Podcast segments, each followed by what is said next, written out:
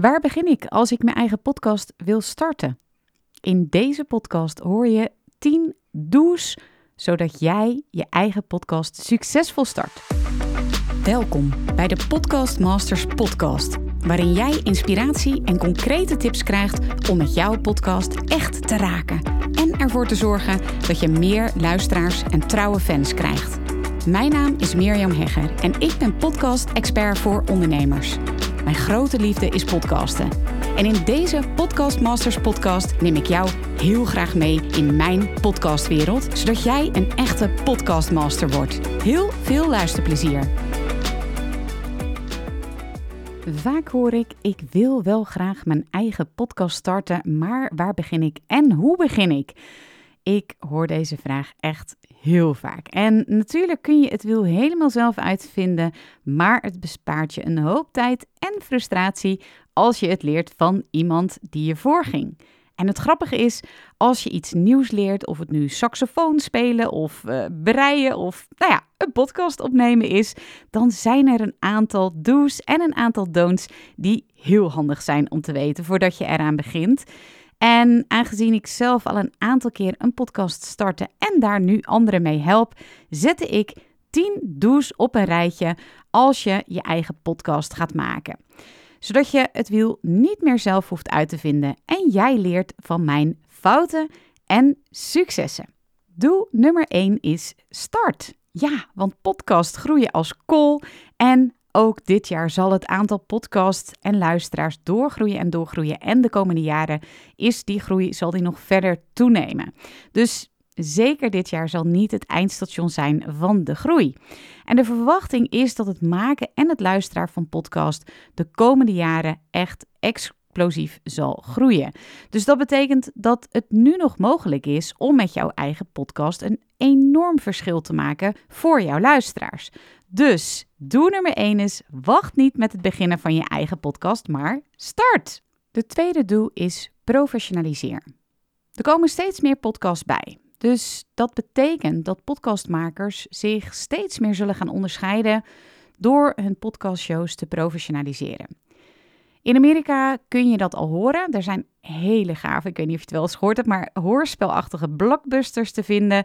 Bijvoorbeeld van grote partijen zoals Netflix en HBO, die investeren daar echt heel veel geld in.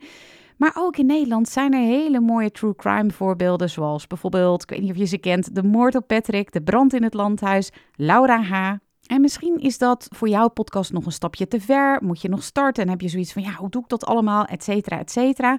Maar toch kun je ook voor jouw podcast wel kijken hoe je het kunt professionaliseren. Bijvoorbeeld door goede apparatuur te gebruiken en in het editingproces bijvoorbeeld tunes of audio-effect of muziek toe te voegen. De derde doel is vraag. Dus vraag je luisteraars om zich te abonneren op je podcast of een review achter te laten over je podcast. Je kunt ook dat doen door een vraag te stellen in de vaste outro van elke aflevering van je podcast. En op die manier, als je dat vraagt en als mensen zich gaan abonneren, als ze een review achterlaten, dan zal je podcast hoger komen in de podcast ranking en dus ook sneller worden gevonden en beluisterd door anderen. Je kunt gewoon vragen of je luisteraars je aflevering willen delen. Dus stel je voor je hebt een podcast met restauranttips, Vraag dan of jouw luisteraars, dat zijn waarschijnlijk restaurantliefhebbers, of ze jouw podcast willen delen met andere restaurantliefhebbers die ze kennen.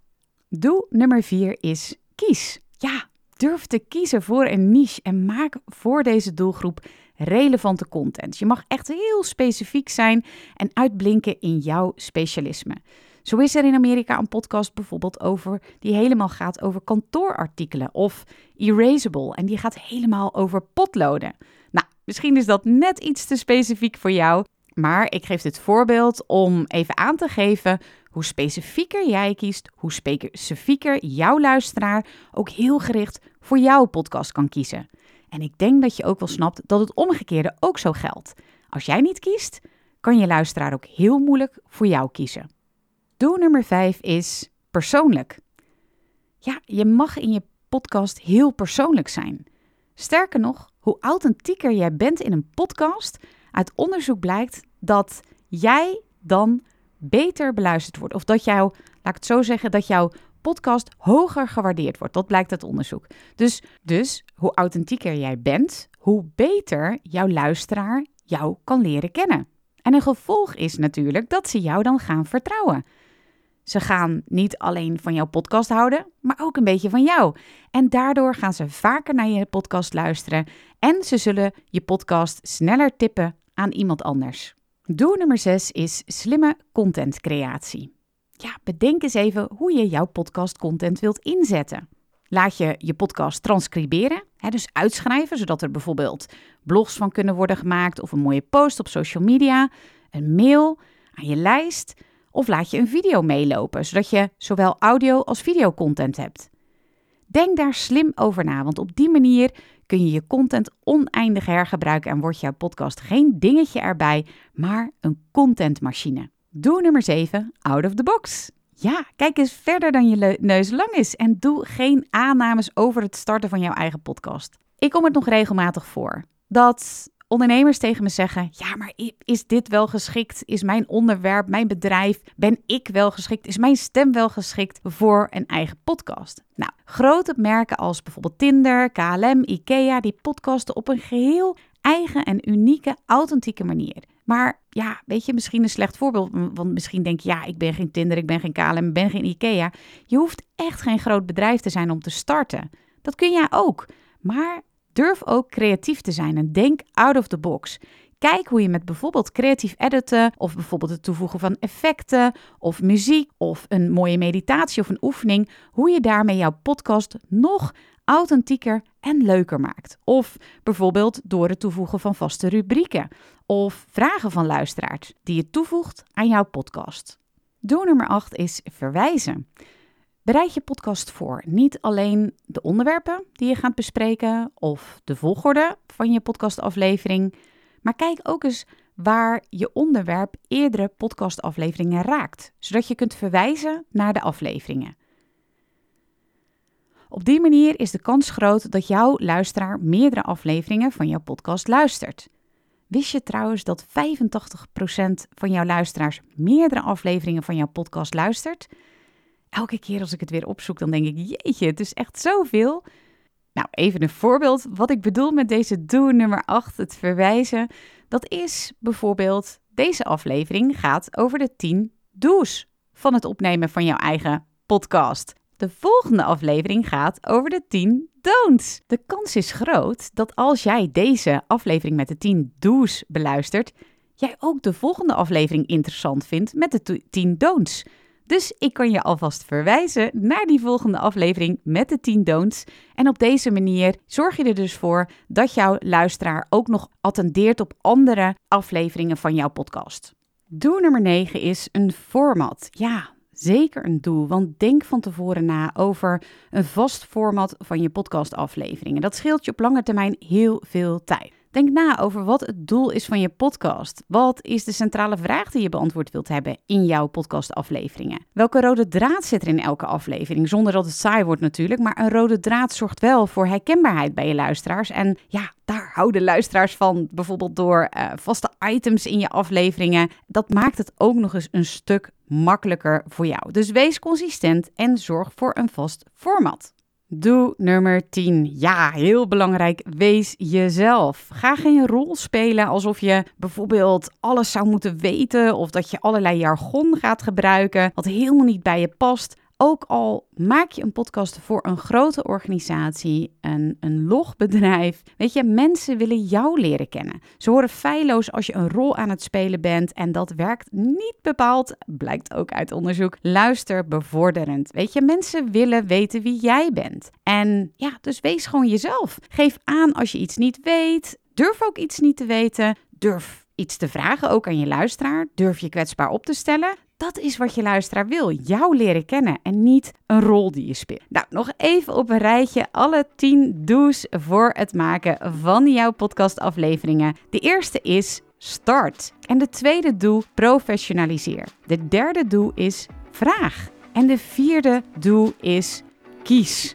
De vijfde is persoonlijk. En de zesde slimme contentcreatie. De zevende is out of the box. En nummer acht is verwijs. Nummer 9 is een format. En nummer 10, een prachtige om mee af te sluiten, is wees jezelf. Dit waren de 10 do's voor het starten van je podcast. En in de volgende aflevering hoor je de 10 don'ts voor het succesvol starten van je eigen podcast. Tot dan!